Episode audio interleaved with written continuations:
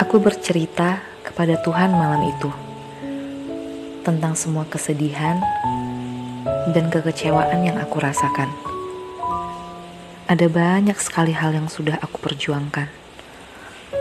Rasanya semua yang terbaik yang dapat aku lakukan sudah aku perbuat.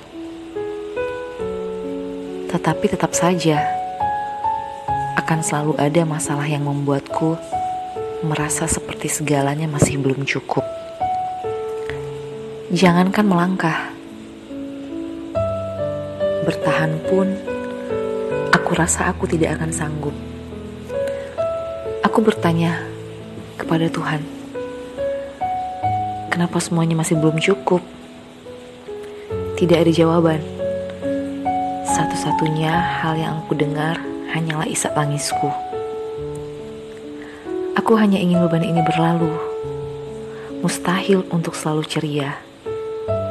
Namun sedih bukan hal yang aku inginkan untuk menjadi abadi.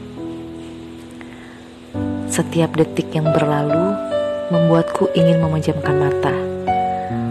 Aku tidak siap dengan hari esok. Aku lelah menjadi tegar. Yang fana berlangsung seperti selamanya.